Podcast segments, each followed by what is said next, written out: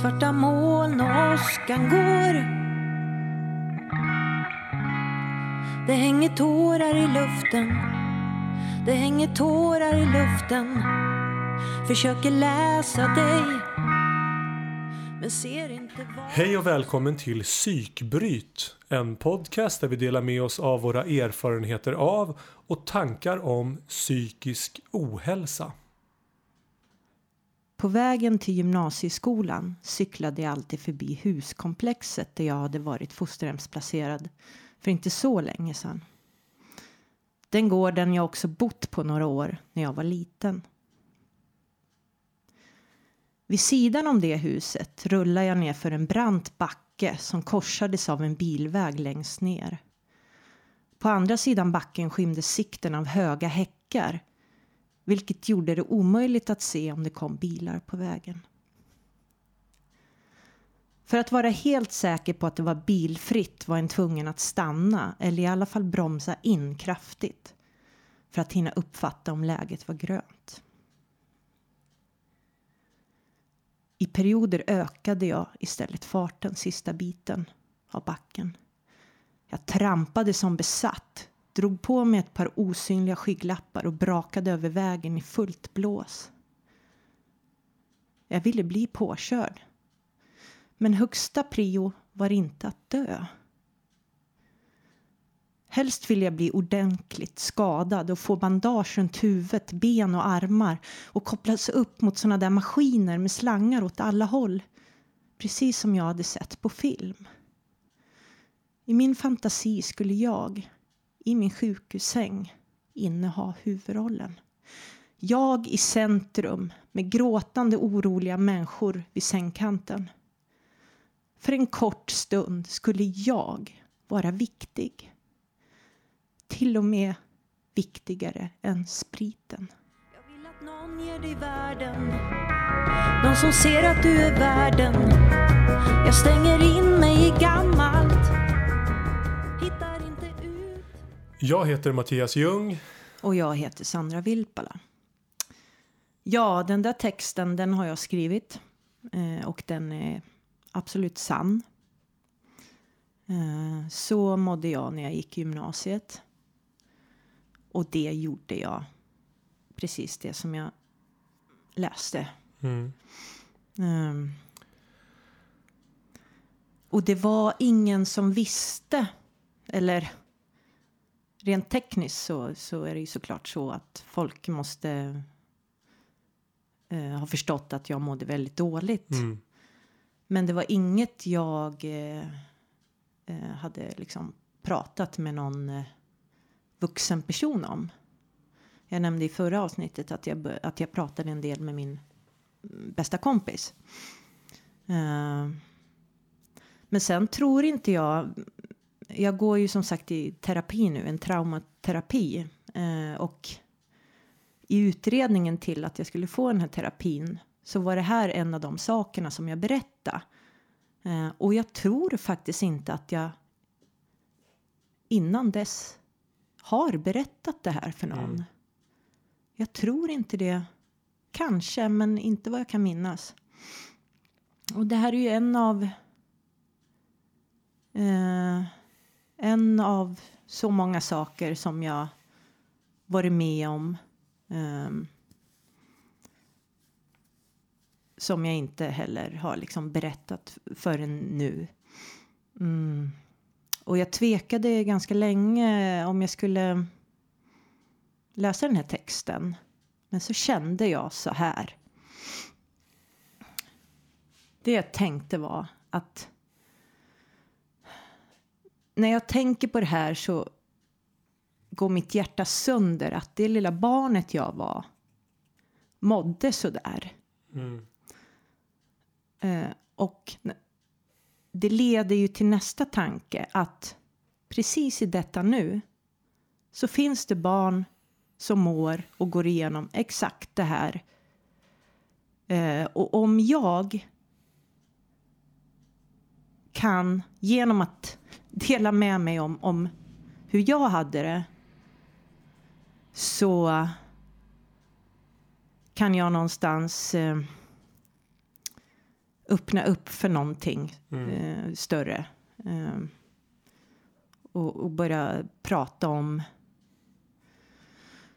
självmordstankar eh, och självskadebeteenden liksom som eh, vi vet har ökat ganska drastiskt för unga eh, senaste åren. Jag är tacksam att du, att du läste texten. Det, Ja. det var otroligt kraftfullt. Eh, och det var, det var fruktansvärt. För att du målar upp en sån tydlig bild. Det är en av de sakerna som du är så bra på. Med, med, med hur du använder ditt språk. Att du, du kan försätta en i situationer och känslor. Åh, Eh. tack. En annan hemsk sak är ju att jag känner igen det. Att jag kan identifiera mig med det. Inte, Mm. med, inte med den här skol... Alltså inte i detalj. Nej. Men, men det som du sa precis mot slutet där. Att, att det handlar inte om att, att du ville dö. Utan att det handlar om att du ville att du ville skadas och hamna i centrum. Och, och, och, och de tankarna känner jag igen. De har jag Mm. också haft. Mm. Jag skulle vilja säga, till och med säga att de tankarna har jag. Ja. Alltså inte dagligen. Men de, när jag mår dåligt så, så, så ploppar de upp. Och jag tror att det har att göra med man är så när, när depressionen och ångesten har, den, har en i sitt hårdaste grepp så känner man sig så liten och så sårbar, så sårbar.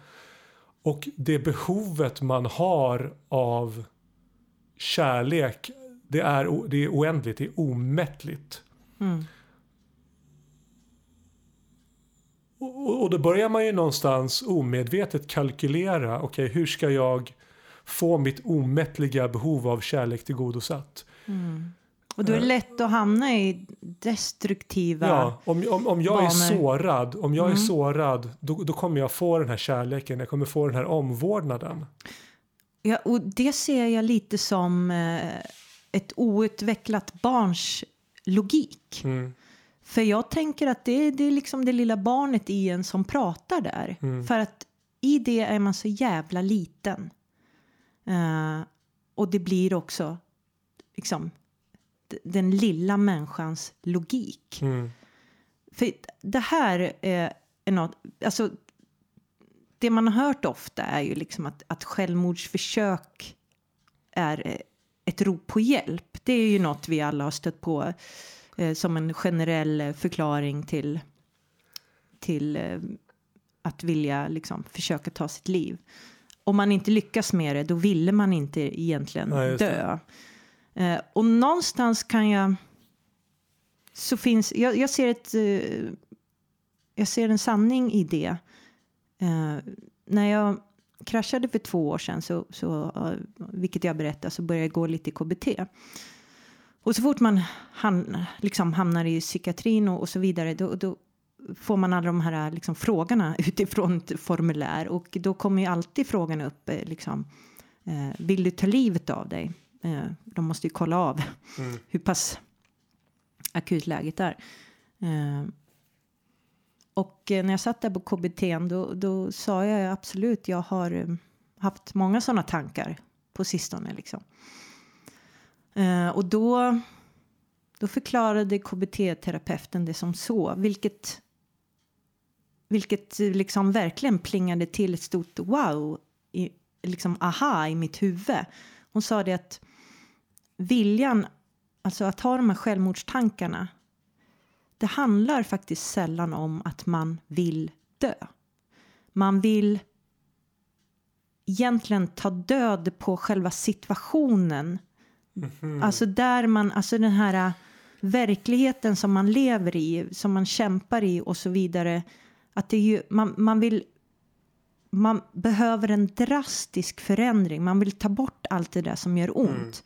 Och det som då liksom kommer ganska handy är ju liksom att ja men då gör jag slut på hela skiten. Då tar det ju, då verkligen tar det ju slut. Eh, det gjorde att jag eh, inte blev så rädd för de tankarna efter det. Att jag förstod att det jag egentligen vill är ju faktiskt att förändra min, Mm. min situation liksom. Och mitt mående. Och för de sakerna finns det ju hjälp. Och det finns möjligheter. Även om det känns som man sitter så sjukt jäkla illa till. Liksom. Ja, men det finns liksom... Och jag tycker det är en, en, en sån himla bra tanke att bära med sig. Ja, det var jätteklokt. Jättekloka ord. Ja, det öppnade verkligen upp och det, det, det liksom tar udden av eh, det här eh, liksom eh, idén om att man, det handlar om att man bara vill dö liksom. Sen kanske det är så att vissa personer kanske verkligen känner att Nej, men jag vill dö. Det, det händer väl säkert också men i de allra flesta fall så tänker jag att det handlar ju om just det jag sa, liksom, att förändra situationen. Lidandet är så stort att det måste få ett slut. Ja, det, det måste, man det är måste villig komma. att ta till vad fan Ja. som helst. Liksom. Men, men där, där känner jag, det där kan jag relatera till också. Fast, fast eh, på ett lindrigare sätt. Och jag tänkte på det här med, vi ska ju prata om självmord och, och även självskadebeteende. Mm. Och när jag, när jag har ångest då får jag en impuls att skada mig själv fysiskt. Mm. Eh, och den impulsen som jag, som, jag- jag resonerar om det när jag känner det och då tänker jag så här att jag har så ont i min själ nu och jag vet inte hur jag ska häva det här. Om, om jag ger mig själv en fysisk smärta så kommer den fysiska smärtan ta platsen av den själsliga smärtan. Alltså det, det ryms inte två smärtor på en gång. Så då kommer jag ha ont fysiskt och det kommer gå över. Och då kommer jag sen vara smärtfri. Det är på något sätt logiken. Ja, och det, Eh. det där har, har man ju hört många gånger om folk som till exempel skär sig. Ja, Att eh, det blir som en release Ja. liksom, av... Det gör så jävla ont där en inne. paus. Ja, man får en paus från det och så får man en konkret tydlig smärta. Och också en förlösande Ja. känsla. Som, som är mycket lättare att, att eh, hantera. Och här Ja. vill jag också bara, innan du fortsätter Mattias. Eh, det vi gör i den här podden, det är ju, eh, vi pratar om våra erfarenheter. Vi, vi vet liksom inget. Eh, vi, vi pratar om saker som vi har upplevt och vad vi tror, vad som händer i hjärnan och så vidare, hur man tänker. Så att, eh, jag tänker att det blir extra viktigt Ja, ja, ja. med dagens tema eh, att verkligen eh, stryka under det. Ja, precis. Yes. Så ta, ta inte det här som... Lev inte efter det vi säger. Utan, nej men jag... Jag faller inte för de här impulserna. Nej. Jag har impulserna att, att skada mig själv. Och jag tror att jag kanske någon gång liksom har sopat till mig själv i bröstet riktigt hårt. Mm. Men, men jag är så rädd för att för att öppna den här dörren. Jag är så rädd för att öppna dörren och märka att det fungerar. Och sen börja göra det regelmässigt. Så att jag jag väljer att inte ta den här vägen. Men impulsen är väldigt, väldigt stark. Och, den, Och jag- och den kommer varenda gång som, som ångesten blir tuff. Och jag tänker att när man väl kommer till den punkten så är det inte längre något val. Nej.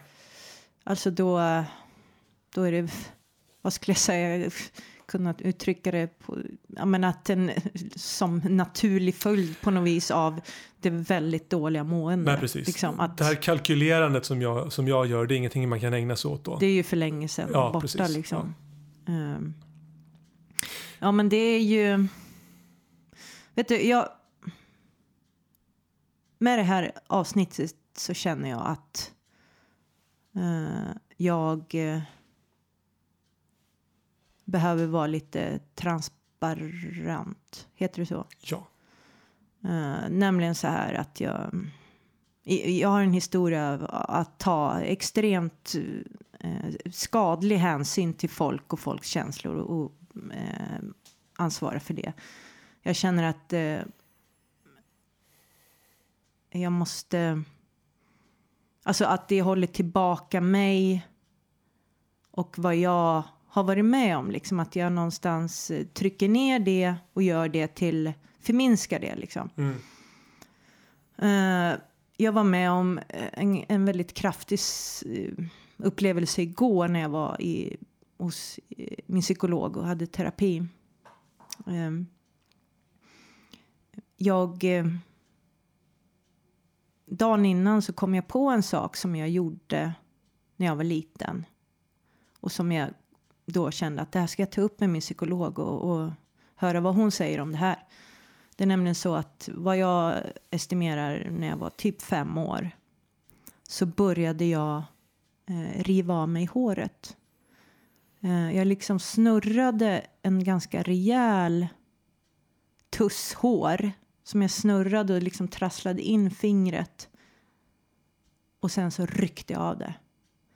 Eh, och det där har jag funderat över till och från och, och, inte förstått riktigt. Men någonstans har jag förstått att det måste ju ett, ett,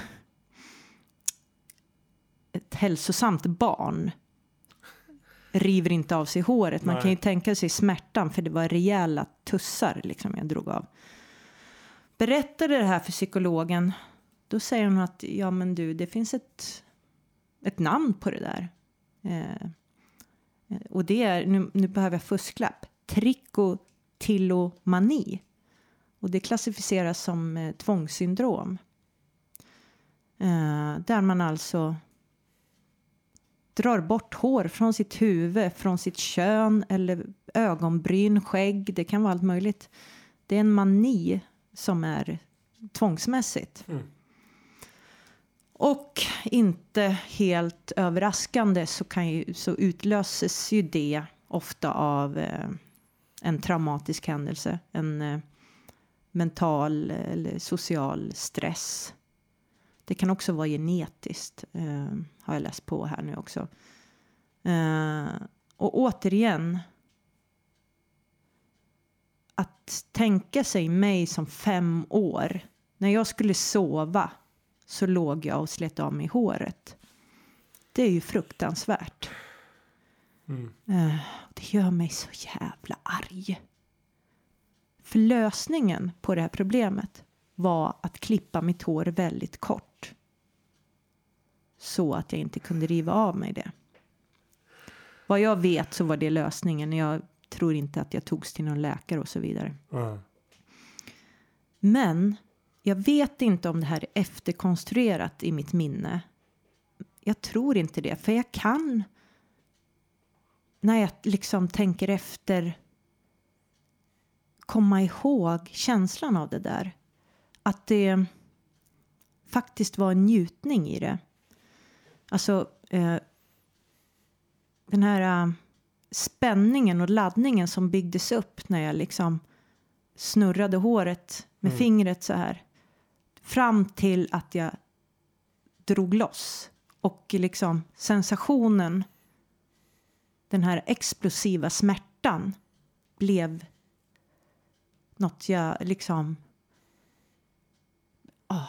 Som en ritual låter det som. Precis, och jag tänker liksom om man skär sig i armen, alltså ja. att det, den där förlösningen liksom, mm. att det en extrem smärta men samtidigt också en förlösning som gör det hela njutbart. Och också vad jag tänker en koncentration till just det. Att eh, där har vi något konkret, något vi kan ta på, mm. det som känns. Liksom. Någonting, som, någonting som du kan styra över, någonting du kan bestämma över. Just det, kontroll också. Ja. Men, men okej, så, så att, eller först måste jag bara säga att det här är helt chockerande att höra och, och mm. jag är tacksam för att du, att du delar med dig. Men jag är hardcore idag. Så. Ja, jag märker, jag märker det. Det blir inte mm. många fniss idag. Även om det kommit där. Men eh, så att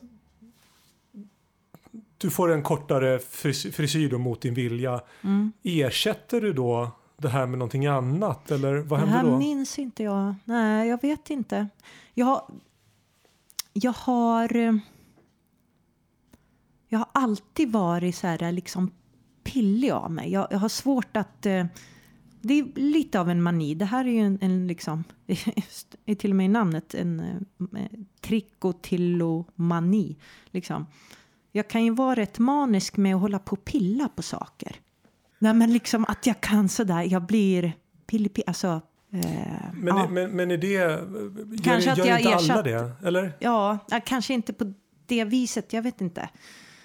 Eh, men jag har inte sett det som en mani eller så Nej. fram tills att jag, du ställer den här frågan om, om jag ersatte det med något. Och det känns ju som kanske något naturligt att man fortsätter pilla, liksom. Mm.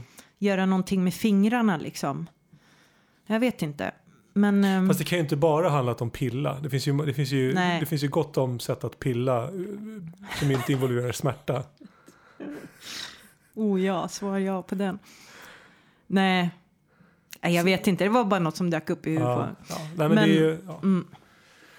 Eh, men det, det där alltså, det här var ju alltså igår som jag fick det här. Oh. Och så, och så, ja, så som jag gör, det är ju genast att ta reda på lite fakta liksom.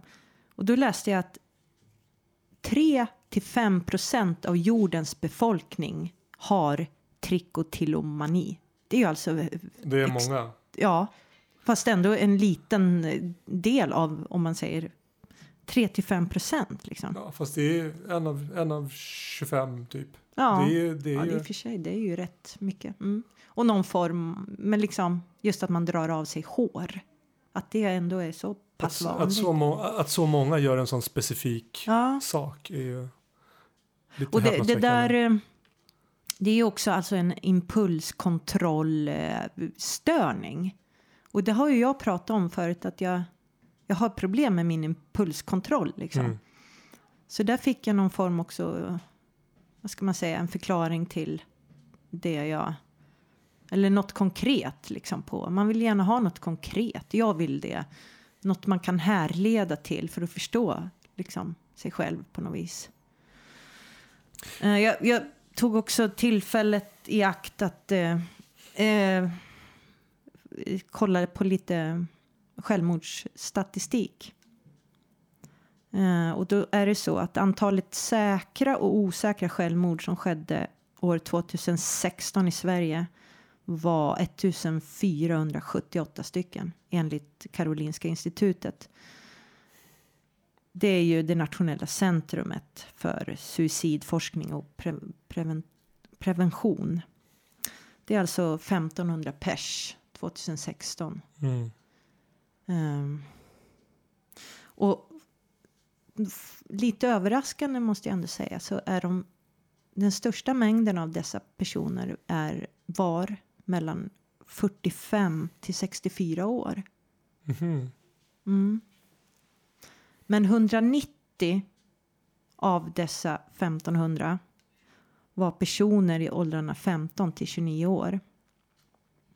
Det, det gör att självmord är den näst största an, eh, orsaken till eh, eller den näst vanligaste dödsorsaken i den åldersgruppen. Så att det... Ja, det är ju ett, det är ju ett eh, enormt eh, Det är tragiskt. Det är ju på Mm. något sätt det, det, slutgiltiga priset för, för, en, för, en, eh, för den psykiska ohälsan. Och stigmatiseringen liksom. Att, eh, Ja. Och att vi inte pratar om det för jag tänker så här att skulle vi ha ett öppet samtalsklimat om det här så är det det fucking bästa förebyggande vi kan. Det tror jag också. Göra. Det tror jag också. För att eh, Alltså dels fungerar det ju som en, att prata fungerar ju som en pysventil. Att, Ja. att trycket inte byggs upp på samma sätt. Eh, det gör också att du får, du blir inte isolerad, du får ett nätverk. vi- Vilket gör att personer omkring dig eh, har mer insikt och, och, och ser och kan, och kan varna och, och, och det gör säkert också att, det, att ju mer man pratar om saker desto större förståelse får man för, man, får man för sina egna problem och då blir det mm. lättare att fatta när det riktigt är illa. Och om stigmatiseringen försvinner så blir det lättare att söka vård. Och, så att, mm. så att, eh, att prata är otroligt, otroligt viktigt. Mm. Min uh, övertygelse är ju att det, alltså destruktiva tankar kan ju bara få fäste i tystnaden och i mörkret. Liksom. Mm. Få ett riktigt fäste. För kom, släpper vi in ljus där och, och öppnar upp och, och, sätter ord på saker och ting. Då, då, då, då kan det inte, tänker jag, få möjlighet att gräva sig så mm. djupt.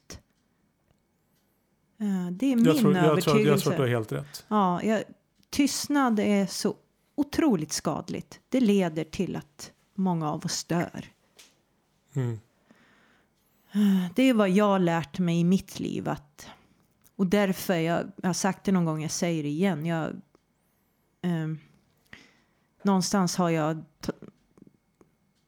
liksom vetskapen om det och mina erfarenheter har lett till att jag hellre pratar för mycket.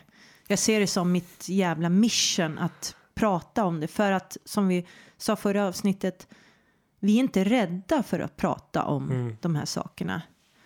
Om du skulle komma till mig Mattias och säga att du har tankar om att ta ditt liv, då skulle jag inte bli rädd heller. För jag vet att det att du kommer och säger det till mig. Ja, ja, ja. Det betyder att du, du, öppnar upp. Du sträcker ut en hand och vill gärna att någon tar emot ja, den. Precis. Liksom. Det, minskar, det minskar risken. Ja, och jag vet också att det handlar främst inte om att du vill ta ditt liv. Nej, det handlar det. om att du vill förändra din situation. Uh, så att vi måste, vi måste våga prata om det här. Mm. Det är det enda sättet. Alltså jag... När, när vi bestämde att vi, skulle, att vi skulle prata om det här idag så, så tog jag min egen funderare kring, kring självmord och mina tankar. Mm omkring det. Och, och då kom jag fram till att jag har aldrig haft självmordsambitioner. alltså, jag har, jag har ställt mig själv frågan. Mm. Jag har mått jävligt dåligt och så när jag ställt mig själv frågan, liksom, okej, okay, vill jag fortsätta leva? Och jag har alltid svarat ja. Uh, och jag tror att det är för att jag har haft tur med min, alltså jag, jag har mått dåligt men jag har inte mått så dåligt. Nej. Jag, brukar, jag brukar säga, eller för mig själv att jag är inte i helvetet men jag kan, jag kan se det från där jag är just nu. Mm. Och det är lite så det har varit. Att, att, att uh, det har varit illa men inte riktigt så illa. Men jag kan ju jag förstår impulsen. Jag och jag, också. Och jag förstår mm. de personerna som jag, jag, tror, jag är övertygad, jag, jag, jag, tror att det är onödigt. Eller, eller jag tror att det finns, jag tror att nästan alla människor har, har andra, att det finns andra vägar, att det finns annan hjälp att få. Och jag tror att kommunikation är nyckeln. Mm. Men, men jag kan förstå impulsen. No. Och så, så tänkte jag också på att det, det är ju om det pratas om självmord så, så är det en del som, som pratar om det som en egoistisk handling. Att varför tänkte inte den här personen på, mm. på dem han eller hon lämnade efter sig? Och, det där och, blir jag så provocerad av. Ja. För förstår man inte att det är liksom förbi allt det? Ja, nej men precis. Till, till att börja med så, så gör ju den här personen inte den kalkylen.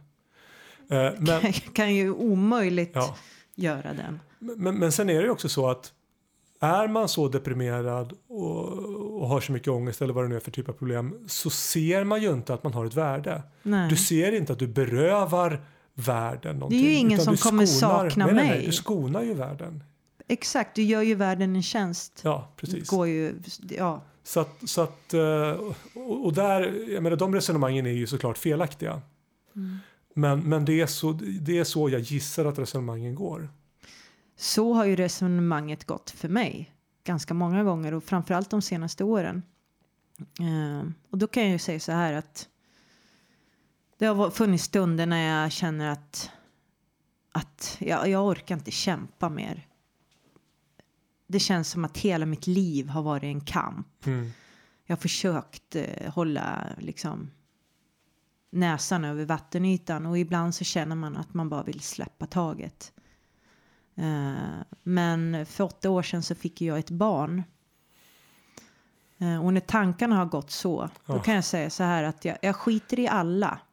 Men det jag kommer fram till är att jag kan inte göra så mot Stella. Hon ska inte få utsättas för något så vidrigt. Mm. Eh, Så att, eh, men som sagt, jag skiter i alla andra. Mm. Det, det, ni finns liksom inte med i... Det är liksom, ni, ni kommer inte lida av att jag inte finns kvar längre. Jag har ju inget att tillföra er. Mm. Jag är glad att du har barn. Ja. Men det ska tilläggas i mina liksom mörkaste stunder Mm. och eh, eh, jag tänker också att även om jag tänkt tanken, hade det inte varit för Stella så skulle jag ha gjort slag i saken. Men jag tror nog inte heller att, även om jag inte hade Stella, att jag mm, för när jag har tänkt om tankarna har jag ändå varit så pass eh, eh, vad ska man säga? Jag har varit illa däran men jag har nog inte klivit över den där gränsen. Mm. Du har kunnat resonera lite med dig själv. Mm, jag tror det. Eh, men å andra sidan, hade jag inte haft ett barn så kanske jag hade mer och mer släppt. Vem vet? Mm. Eh, för så svårt är det att leva med depressioner och ångest. Det kan vara ett heltidsjobb liksom. Det är ju verkligen så. Och i, Ja. i perioder så är det ju ett heltidsjobb. Det är ju Ja, ja, dygnet runt och ett försök att bara ta sig förbi den här dagen, de här timmarna, eh, den här natten. Och det är inte ett värdigt liv liksom.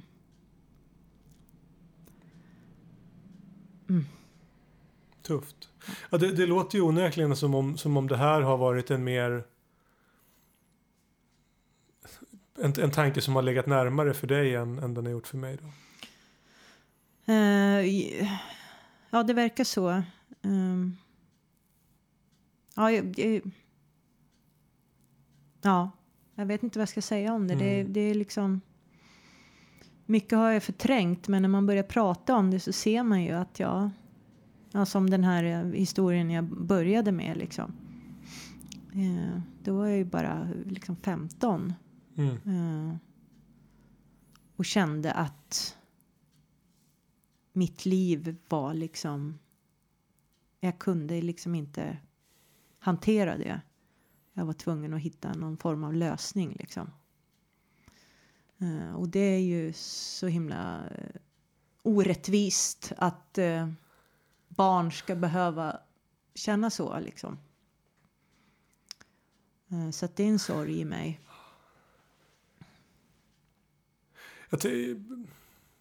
Jag, pratade självmord med mina söner senast i morse.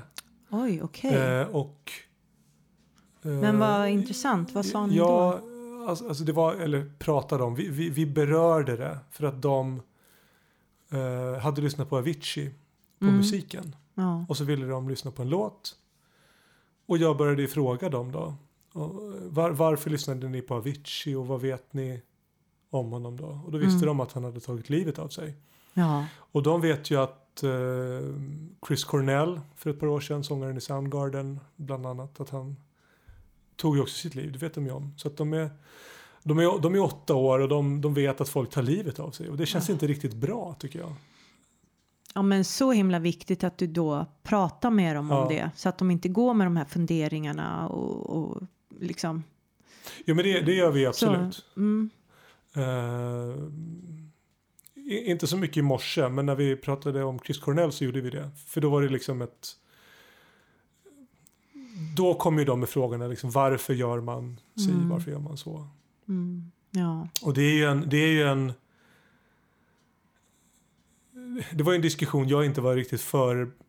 Som jag inte hade föreställt mig att jag skulle behöva ha. Nu, nu känner jag väl någonstans att jag...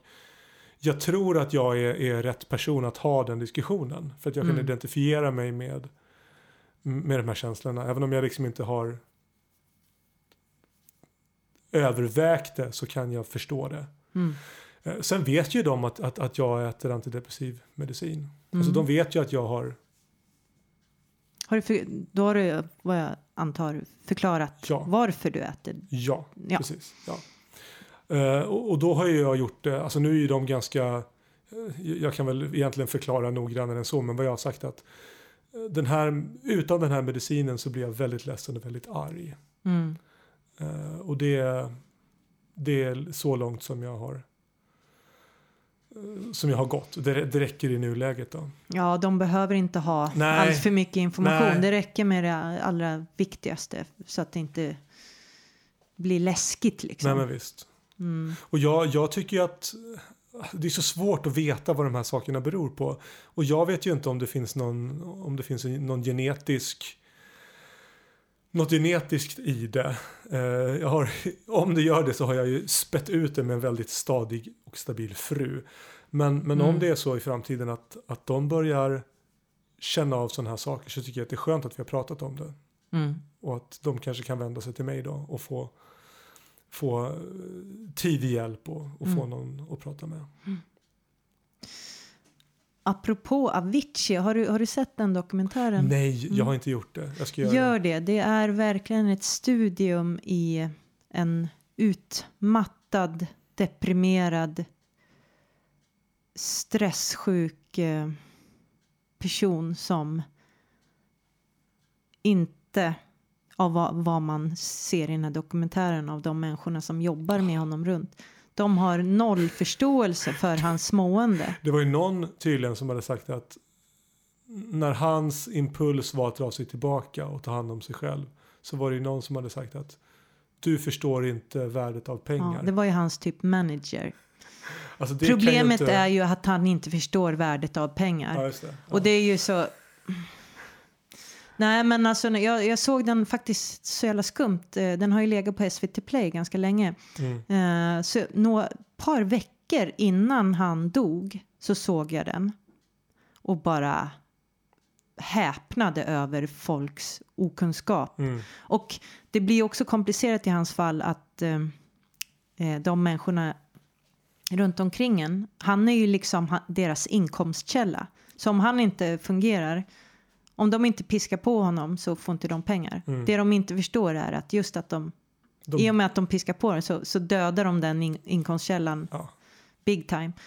Men, och, och han var så jävla ung liksom. Mm. Eh, och, eh, och han säger vid något tillfälle att om jag gör det här så kommer jag att dö. Eh, och så ville de bara boka på, bara pressade och boka på fler spelningar och fler spelningar. Han hade liksom turnerat i åtta år nonstop. Och han, ja, han var ju så dåligt psykiskt skick och även fysiskt. Han, ha- det var ju mjält och allt möjligt sprack liksom Mm. för att han inte hade tid att vara på sjukhus och opereras liksom för han skulle ju turnera vidare liksom. Och sen så såg jag den då, då kom det här, alltså i och med att jag hade sett också, jag är ju inget fan av hans musik, eh, liksom det är inte den genre jag lyssnar på men det har ju inte undgått någon liksom. Eh,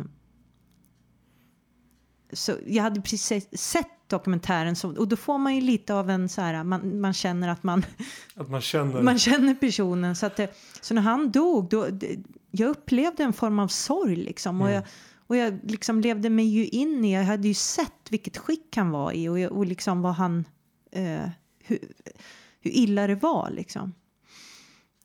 Och så ser jag då om dokumentären igen efter Mm. dödsbudet och liksom bara... Och då liksom i det, från det perspektivet blir det ju ännu Ja. vidrigare liksom. Eh, så där ser vi och jag tänker också att just med utmattning och stress eh, folk måste förstå och inse att eh, det är otroligt allvarligt. Eh, Mm. och vad som händer, hur våra hjärnor blir kapade liksom av det. Och, och, det, Ja, är det är ju uppenbarligen livshotande. Alltså det livshotande, ja ja. I Aviciis fall så var det ju verkligen det liksom. Så att, ehm, ja, se den. Mm, jag Det- får ta göra det. Det väldigt lärorikt eh, och för oss igenkänn, mycket igenkänning. Och så, så oerhört sorgligt. Ehm, ja. Vad säger vi? Ja. Ja. Vilket... Ja, det, det, det är eh, ett tufft, otroligt tufft ämne. Och, eh, jag vet inte om jag har någonting mer att, att, att tillföra just nu. Det känns ju som om vi kommer tillbaks till ungefär samma saker. mm, Eh, och- och det är ju vikten av att, att, att kommunicera och vikten av att släppa in ljuset på något Mm. sätt. Att inte... Och att vi måste... Även om eh, det här är extremt allvarligt så måste vi hitta ett sätt att avdramatisera. Eh, för det är ett sätt att närma sig, alltså på ett väldigt, alltså jag menar inte att vi ska Ja, det här är inget farligt, det här är... Nej, men bara- alltså, men- förstår du vad jag menar? Alltså Ja, ja. att vi måste inte vara så jävla rädda för att närma oss och prata om de här sakerna. Jag menar, om man jämför två scenarion. Om man jämför att man aldrig pratar om självmord.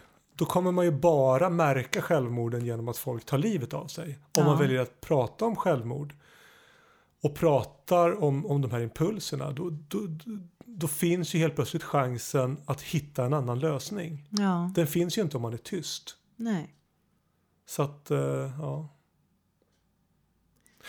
Ja, alltså jag...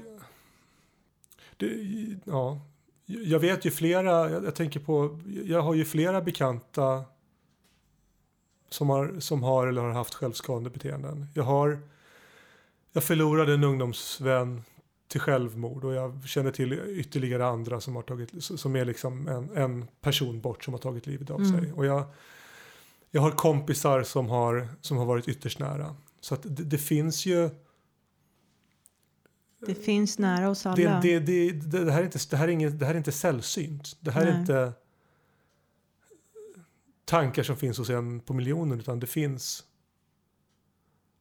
för, på för många ställen. Mm. Mm. Ja. Tufft. Ja, det känns som att vi... Vi eh, ska ta och runda av där. Ja, jag tror vi gör det. Mm. Eh, vill Tack. jag Tack för att ni lyssnar. ta hand om er och, Mm. och prata med varandra. Prata med varandra. Lid inte i tysthet. Puss och kram och hej då. Det hänger tårar i luften. Det hänger tårar i luften. Det hänger tårar i luften. Det hänger tårar i luften.